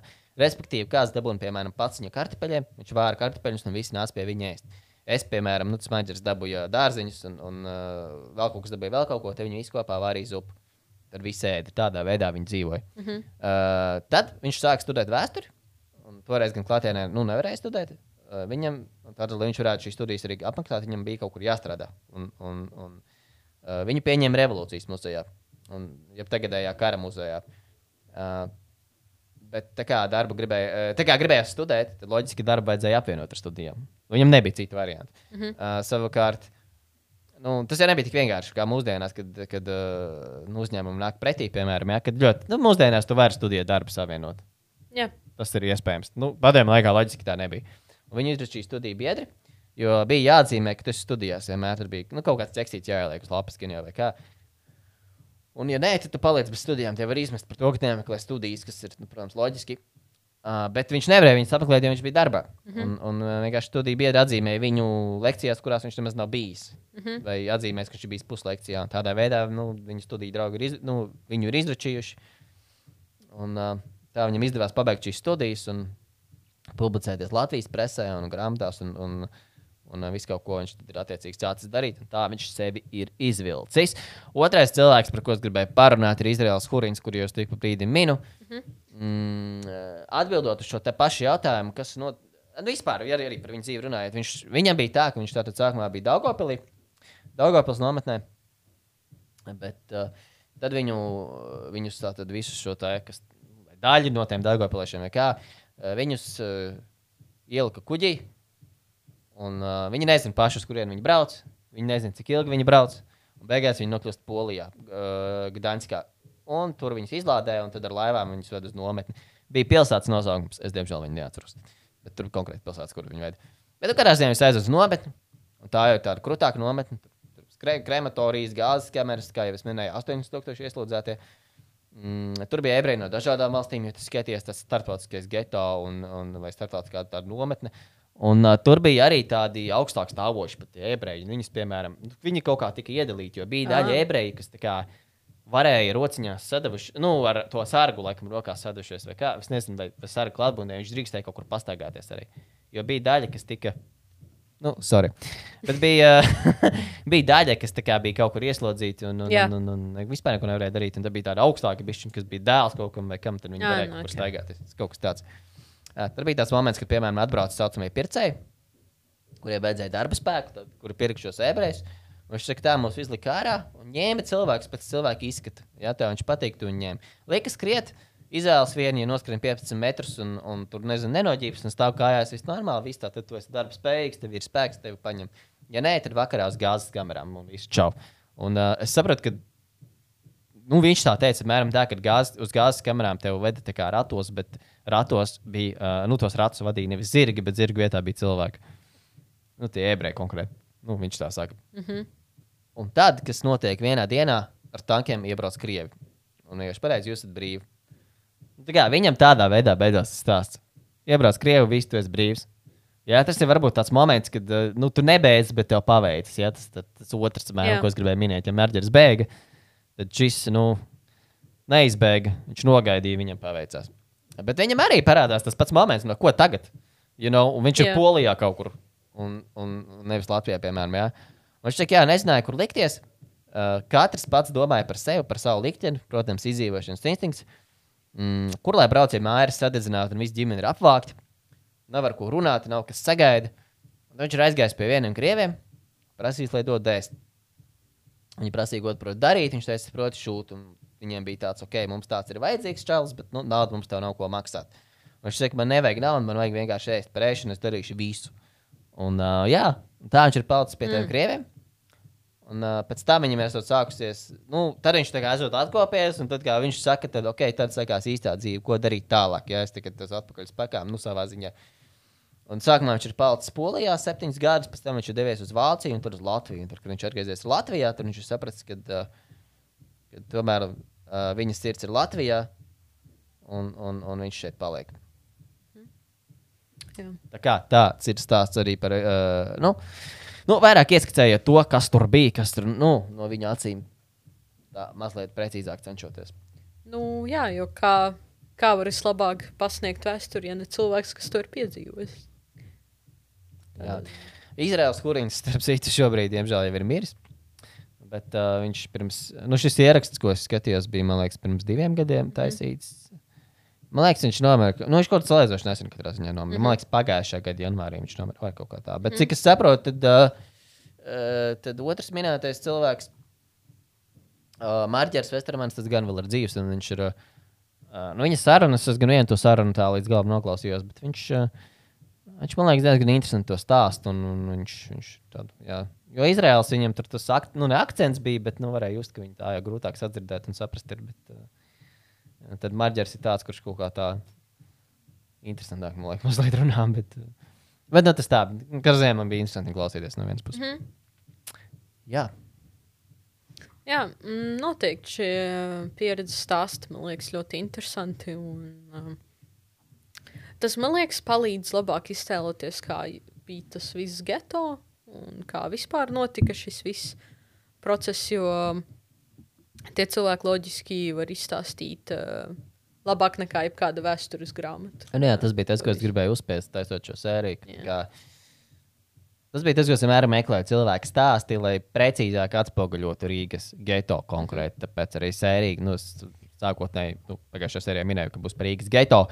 Un tad vienkārši taisot, es sapratu, ka, mm, ok, nu, te ir daudz jāpiemina arī holokausts, lai saprastu, kas un kāpēc. Un tagad mēs zinām, kas un kāpēc. Un tagad mēs zinām, kāds bija apmēram Rīgas mm -hmm. geto. Jep, tieši tā. Un um, klausoties šos stāstus, tas man atgādināja, um, kad 19. gadā man bija iespēja um, paviesoties uh, Aušvicas uh, koncentrācijas nometnē. Un um, es gribēju pastāstīt savu pieredzi, kā, kā man bija apmeklēt šo vietu uh, pēc šiem visiem notikumiem un uh, tādam īsākam kontekstam. Uh, kad šī Aušvicas uh, koncentrācijas nometne bija lielāka, lielākais uh, koncentrācijas nometņu tīkls Vācijas okupētās Polijas teritorijā otrā pasaules kara laikā.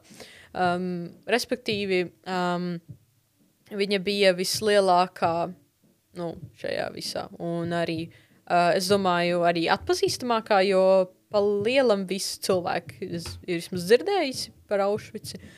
Un, uh, Katrā ziņā minēs pirmo, ja te prasīs noteikti, nu, nu nosaukt kaut kādu ebreju koncentrācijas nometni. Ja tas- Auschwitz. Jā, uh, parasti tas arī ir vienīgais, ko cilvēki var pateikt. Nu, tie, kurus nav iedziļinājušies īpaši par vēsturi.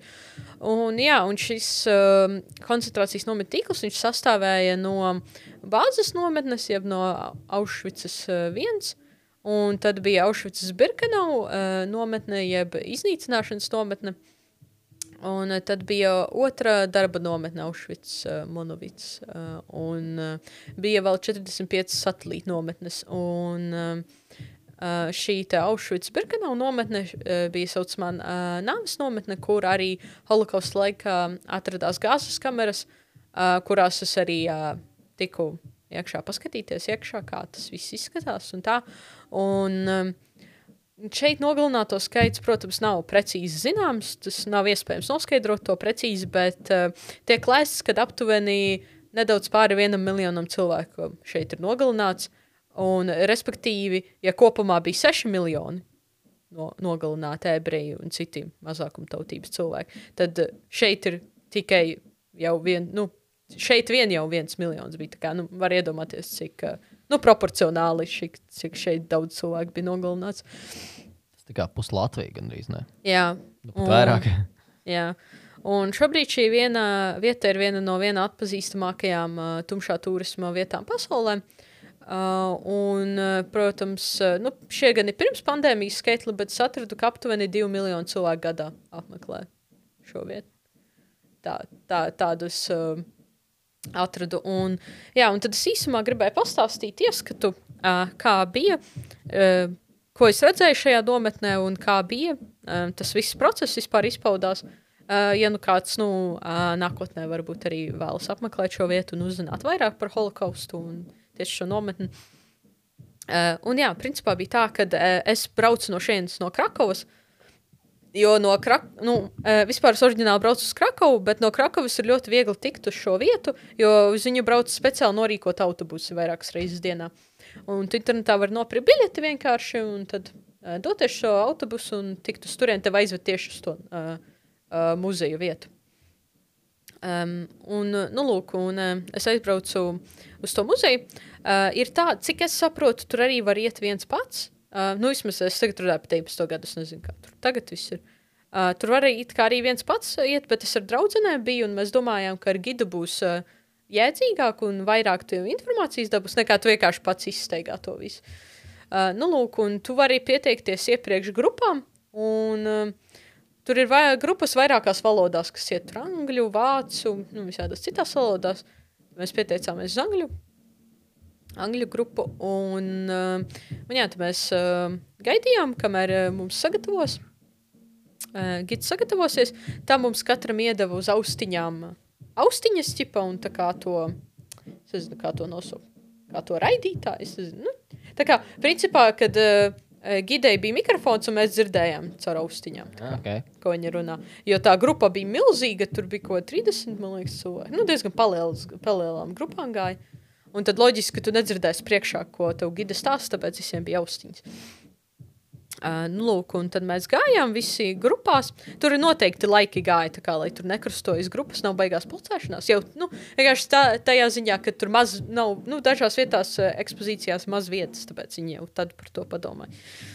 Nu, lūk, un tad mēs um, uh, sagatavojāmies, gājām ārā, uh, un tad mūs veda. Un, uh, tur ir uh, par. Uh, ja runa tieši par fotografēšanu tādām lietām, ir tā, ka fotografēt tur ir atļauts vispār, bet ir noteiktas ekspozīcijas, kur dēļ respekta, dēļ cieņas, tu nedrīkst viņas bildēt. Ir kaut kāda maksa arī par fotografēšanu. Uh, nē, nav. Tu tikai samaksā par uh, to biļeti un par gidu. Cik maksāja biļeti, atceries? Cik maksā nebija dārgi. Uh, kaut pāris eiro. Tiešām nebija dārgi. Man liekas, gids vēl tur vēl papildus maksa bija. Neatceros precīzi, bet, bet jā. Nē, viņi tiešām ne, neliek augstas cenas. Un, un, un, un, un, nu, jā, un, un tad, jā, un tad es spilgti atceros, varbūt tu esi redzējis tā Aušvicas ieejas zīmi. Viņa tā kā baigi tāda rītīgi atpazīstama ir tāda. Es, es, bet, Es noteikti viņu esmu redzējis, bet es šobrīd viņu ne... Jā. nu, man parādīja bildi, un tāds, ah, jā, zinu šo vietu. Jā, un es tā kā ieraudzīju to zīmi dzīvē, un man likās, vienkārši, nu, wow, jo viņi ir tik daudz reizes redzēti bildēs. Un, jā, un, lūk, mēs pa to zi- zem tās eh, zīmes iegājām iekšā tajā pirmajā Aušvicas nometnē, kas bija tā darba nometne. Uh, un, jā, un tur bija vairākas tādas kā mazas mājiņas. Un uh, tās mājiņas bija numurētas, un katrā mājiņā tur kaut kas cits uh, notika. Tur um, da, da, bija mājiņas, kur uh, uh, es aizmirsu, kā sauca. Bija viena mājiņa, kur bija tas saucamais eh, zinātnieks, viens pētnieks, kurš tā kā eksperimentēja ar ebrejiem, viņš, eh, es atceros, man liekas, tas bija viņš, jā, kad eh, viņš pētīja uz ebreju dvīņiem, visādus eksperimentus taisīja, un tam bija vesela māja vien, tā kā. Un, uh, tas bija tiem eksperimentiem. Un tad bija vairākas mājas, uh, jā, vienkārši sadalītas pa vīriešu, sievietes un tam līdzīgi. Un da, dažās šīs mājās ir izvietotas dažādas ekspozīcijas. Uh, un vienā ekspozīcijā, es vienkārši tagad uh, stāstu, kas man izspilgtāk palicis atmiņā. Viena ekspozīcija bija tāda, kad uh, tu ej pa gaiteni, un abās gaiteņa pusēs ir uh, uh, samesti čemodāni kaudzēs vienkārši. kā. Un tu ej gaitenī, un tu vienkārši ej, un abās pusēs ir čemodānu kaudzes, un tu vienkārši redzi. Kā, cik daudz visas personīgās vienkārši mantas saliktas ir. Un, uh, tā bija tikai, protams, daļa no maza maziņa daļa, kā, kas ir savākta no e ebreju. Kas piederēja lietas, un vienkārši tāda sirreāla sajūta, ka tu to visu Bet, redzi. Tā, tā kā tās ir, nu, domā, džit viņu, ja? Jā, Tas, nu, ok. tās, nu, tās, kuras vislabāk saglabājušās, tur okay. Ok. tāds paņemts. Pateikt, ka viņi to tā, nu, ka viņi iedod to sajūtu. Jā, noteikti. Un, um, un tad uh, katrai uh, tai zīmītē ir sapraksts uh, kaut kāds. Um, tad arī viena ekspozīcija bija, kur konkrēti šīs te, uh, gāzu kameras tās kapsulas, nezinu, iepakojumi bija izstādīti arī. Un tieši kurāt var to gāzi vairāk uzrak uzrakstīts, ar ko viņus indēja tieši. Un vēl kas man nereāli spilgti palicis atmiņā, kuru arī nedrīkst bildēt, tieši to vietu, ir reāli savākti ebreju sieviešu mati. Tur bija kaudzēm mati vienkārši. Čupām mati samest. Jo viņi darīja tā, ka es tā kā vispār nespēju nocēt, ka tas kaut kas tāds ir darīts. Pirms viņas nošāva, nogrieza matus sievietēm, un pēc tam no viņām taisīja paklājus. No kā taisīja paklājs? Matiem. No matiem. Au, bija kopā matus taisīja paklājus. What the fuck? un tā kā es saprotu, tu, tu skaties, tev ir tāds vienkārši, what the fuck, reāli. Un jā, tas man vienkārši nereāli spilgt palicis atmiņā, jo man tik milzīgs fuck bija par to visu. Tā kā, kā, kā vispār kaut ko tādu vispār var izdomāt? Ot, ot, tas tā tikai aizdomājies. Man tā doma, ka kā līdz kaut kam tādam aizdomāties. Es nezinu, es reāli, un tur vēl tās kaudzes ir, un tā kā aktīvs. Kaut kā vai nogriežām viņām matus un uztaisām paklājs. Baiglabā ideja. Jā, nezinu, Anna. Uh, bet jā, tās bija tādas spilgtākās ekspozīcijas. Protams, tur vairākas bija arī e, zinātniskās ekspozīcijas, visādi izlikti materiāli vēsturiskie uh, par šo holokaustu un tam līdzīgi. Un viena bilde, kas man arī riktīgi iesēdusies prātā, um, par to arī Gide uzsvēra uh, par šo bildi, uh, bija viena bilde nofočēta, kur kāds pakluso ir nobildējis, dabūjis kadru, uh, kā šos te kailas sievietes uh, uh, dzen, ķipa nošaut. Bija tā kā pakluso, tā kā nobildēts, un tā bilde ir saglabājusies līdz mūsdienām. Nereāli reta, jo, nu, loģiski tādus materiālus vispār nevar dabūt, un jā, tā kā uh, Gida to speciāli pieminēja. Bet tā, tā bilde bija redzama arī kaut kur. Ja? Jā, nu viņu, es viņu redzēju, jā, tur Jā, jā, bija tā kā tas sievietes redzamas. Tā kā vēl tāda miglaina, viņa tāda nedaudz, bet Nu, no, tu, loģiski tas laiks, jā. tu vari saprast. Un vēl kas bija, es neatceros, vai uh, tā bija vēl viena bilde, vai tas bija kaut kā tur sakombinēts. Uh, bet bija bilde, kur vēl varēja redzēt uh, līķu kaudzes. Un, kurš ar tām līķu kaudzēm bija tā, ka, uh, uh, principā, bija, nu, uh, bija krematorijas vai nekur dedzinājuši šos te cilvēkus. Bet prikals bija tāds, ka viņi tik daudz tos cilvēkus novāca, kad uh, viņiem vienkārši nebija kapacitāte krematorijā jau sasniegt. Un ko viņi darīja? Viņi vienkārši līķus sameta kaudzā un aizdedzināja. Tā kā, jā, Tā, tāda ņirgāšanās, man liekas. tikai. nu, nu Nu, protams, līdz, jā. līdz kam tu vari aizdomāties? Līdz kam vispār cilvēks var aizdomāties? Šausmas. Jā. Šausmas. Jā. Jā, nu, lūk, un, un, un tas bija tādas lietas, nu, kas man vairāk vienkārši palikušas atmiņā. Bet, jā, tā kā mēs izsteigājām tās mājiņas, uh, mums vēl arī, es atceros uh, kaut ko nedaudz, ka mūs noveda kaut kādā pagraba telpā, kur, uh, uh, kur uh, iespundēja, kad, nezinu, tas uh, kaut kas bija izdarījis kaut kādus pārkāpumus, Un tur bija tā, ka tur bija kameras, kur lika stāvēt viņiem kājās vienkārši. Un uh, šiem cilvēkiem viņiem bija jāstāv vairākas uh, stundas un pat diennaktis kājās. Vienkārši. Un viņi nevarēja neko izdarīt, nevarēja neko, uh, aiziet, ne pāriest, neko nokārtoties. Viņiem viss vajadzēja uz vietas darīt. Un tur bija tādas specifiskas kameras, viņas bija uztaisītas. Tur bija tā kā mini-mazs lodziņš tikai uztaisīts. Un viss, un tev vienkārši bija jāstāv, un līdz ko tu gribēji apsēst, tā tev uzreiz, tā kā, nu, sita uzreiz tevi, lai tu stāvi kā. Ja. Un tas bija speciāls kameras pagrabā ielikt. Burks. Jā. Uh, tas, tas, ko es vēl atceros. Nu, lūk, un tad, kad mēs izsteigājām to darba nometni, tad uh, ir uh, neliels pārtraukums, un uh, tad uh, ir piestāja busiņš un ved tevi uz to otru nometni, kas bija tā Birkenau nometne, tā nāves nometne. Uh, jo tur vienkārši tāds, nu, gabals neliels sanāk. Nu, lūk, mūs aizveda visus uh, ar autobusiem uz to otru nometni, un uh, tā ir tāda plašāka, tur bija nometne, uh, un, un tur arī bija, ja tai otrai nometnei bija jāiet pieeja ar kājām tikai bija, tad tai otrai nometnē vienkārši pat taisno varēja vilciens iebraukt iekšā, kā, un uzreiz vagonos izlaist ārā visus cilvēkus, tādā ziņā. Nu, lūk, un uh, tajā vietā tad es, jā, biju tajās gāzes kamerās konkrēti, uh, un sajūta, es pat nevaru tev raksturot, kāda tā ir sajūta. Tā ir vienkārši tā kā, es nezinu, tev reizē ir bēdīgi, reizē baisi, reizē nērti. Tā kā es esmu, tā ir ļoti dīvaini sajūta. Un, um, jā, es apskatījos.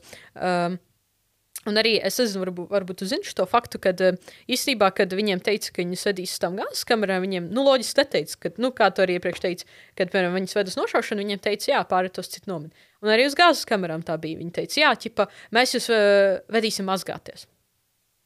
Un bija tā, ka uh, viņiem uh, lika noģērbties visu, jo viņi tā kā, nu, iet mazgāties. Un viņus visus sadzina vienā telpā, un tur pat reāli dušas uzgaļi bija pielikti. Tā kā, nu, ķipa, e, kas ir. Un, protams, viņi gaida, kad sāk tecēt ūdens, un loģiski tā nenotiek, bet augšā ir tāds caurums, un pa to tiek iemests e, tas gāzes, e, tā kapsula iekšā, un tad aiztaisīt ciets, un jā, tad e, tā, tā viņus nogalināja. Un tas, kas vēl to krīpī, visu auru piedod, kad es redzēju, es paskatījos uz sienām, vēl var nagu skrāpējumus redzēt. Aha. Es saku, tagad, ak, Dievs. Ak, Dievs. Jā. Vai ne krīpī, rīktī? Pilnīgi šarmaļi pārgāja pāri. Godīgi, nē, Nē, reāli kā, creepy. jūs, nu, ne, mums būtu video šeit, vienkārši bija ar platu muti, ko vaļā. Tā kā, Nē, nopietni. Mhm. Ārprāt. Uh. Mhm. Tas, tas jā, vienkārši, ka tagad tevi klausoties. tā Kā, nu, tiešām līdz pēdējiem pazemot, nezinu, bet. Um, nu jā, nu visādi veidi. Kā, Jā. Nu jā, ka tas nav vienkārši, ka tev ir nošai uzreiz. bet. Tev ir nu, izmoka līdz pēdējiem. Jep. Kā man tā liekas. Ārprāts. Jā. Jā. Un jā, un tas ir reāli creepy experience. Um, un jā, nu lūk, un um, tad, kad mēs tās apskatījām, tad mūs veda uz tām saucamajām, um, kā lai pasaka, tā kā guļvietām, kur viņi gulēja, tie cilvēki. Uh, un tur bija tāda, tā kā, es teiktu, tāda kā kūtī līdzīga ēka. Un uh, tur bija saucamās gultas saliktas. Bet gultas bija tāds, ka saucamā gulta bija vienkārši tā kā no koka uh, paņemti divi, uh, nu, ķipa četri stabi, un tad vienkārši tā kā, nu, sasists kopā dēles apakšā, ķipa. Un tad, principā, uz tā viņi gulēja. Un tā kā viņi salikti vairākos stāvos, tā kā vēl bija. Un tur bija viņi visi gulēja, tie cilvēki, um, kas vai nu gaidīja vešanu uz kamerām, vai arī viņi bija sievietes vai kādas slimie un tam līdzīgi tie viņi gulēja tur. Pārējie uh, strādāja nometnēs vai citur.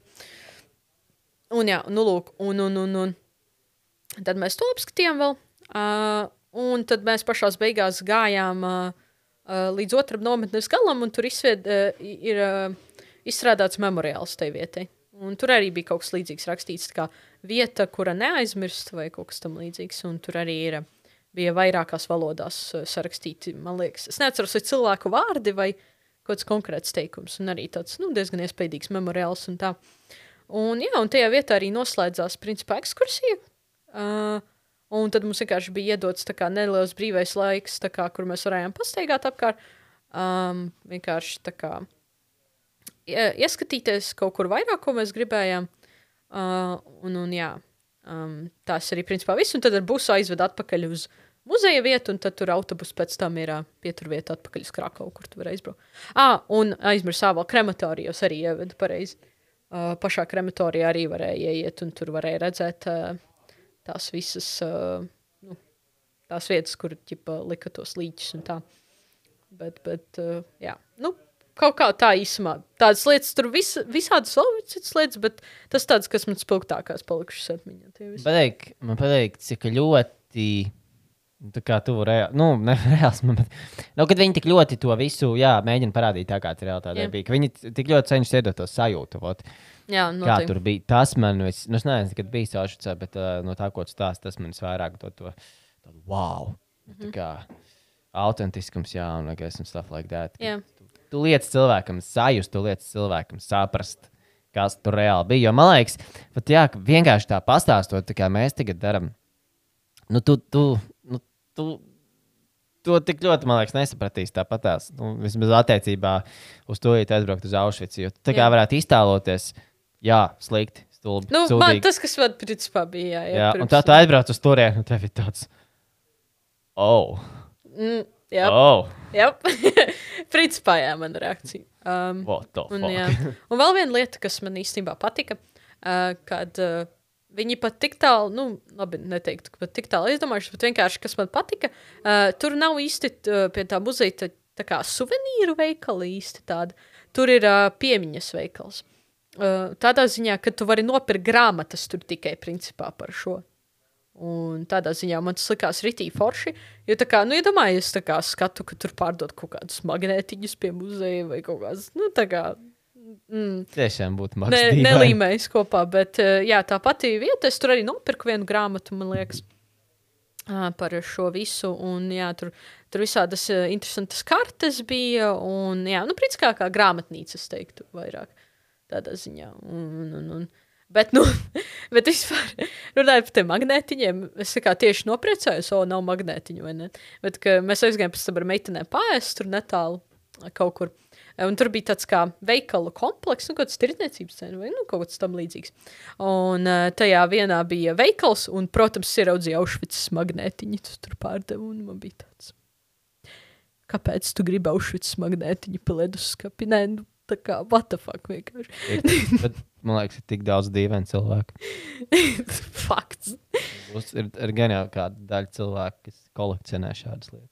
Jā, bet. Nu. Nezinu, kā es arī krāju magnētiņus, bet ne jau no tādas vietas. Nu. Krīpī magnētiņi.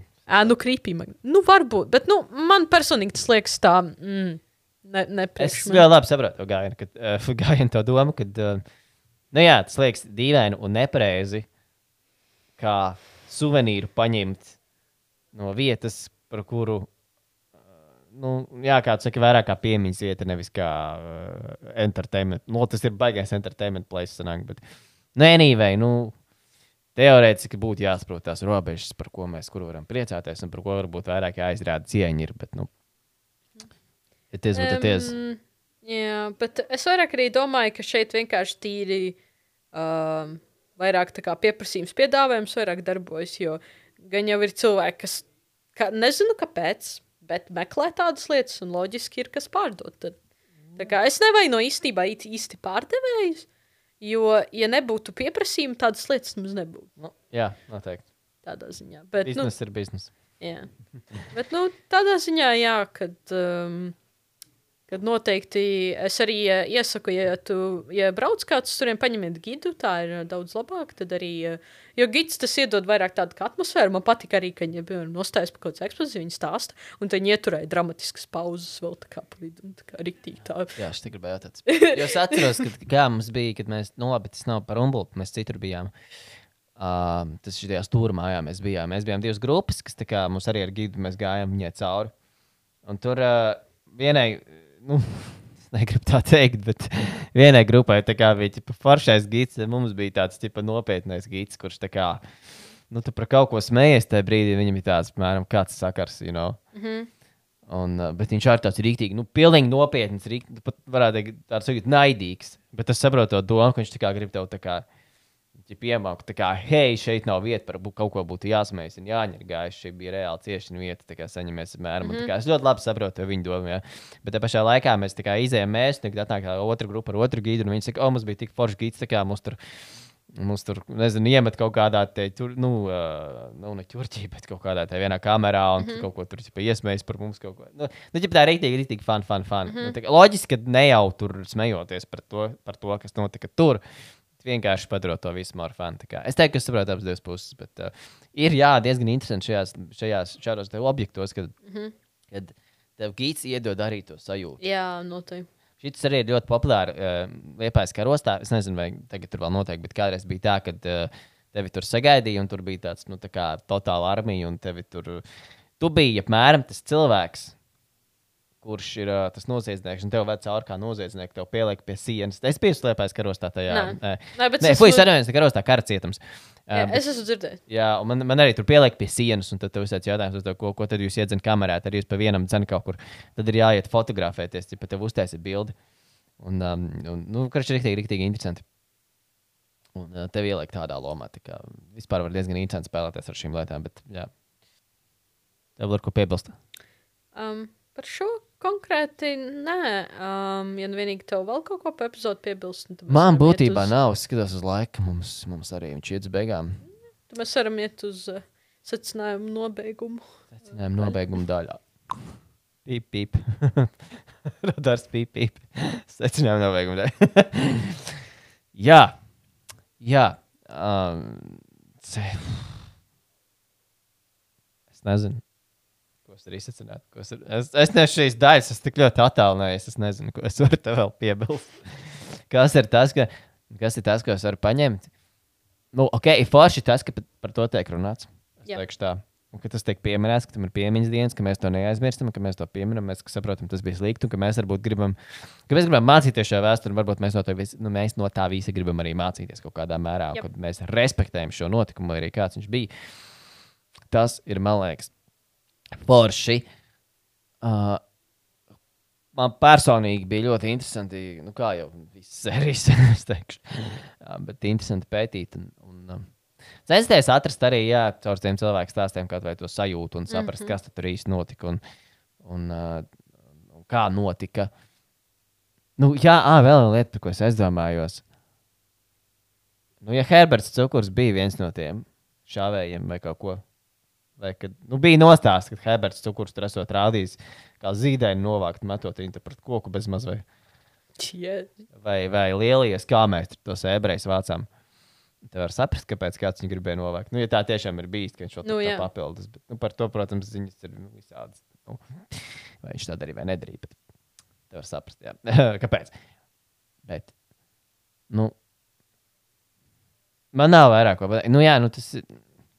Es, es, uh, zināmā, taisot šo pētījumu, lasot šo stāstu, katrai klausoties, es nezinu, šo podkāstu, šo sēriju, mēs varam domāt, nu, es varu mēģināt. Es varu saprast, ka tas bija sūdīgi, jā, vai es varu iztēloties, ka tas bija sūdīgi un smagi, bet man personīgi liekas, ka nē, neviens nevar to iztēloties. Neviens nevar to saprast. Mēs varam mēģināt to saprast, protams, bet man liekas, mēs pat nebūsim tuvu tam tai sajūtai, kas bija tur, kas notika tur.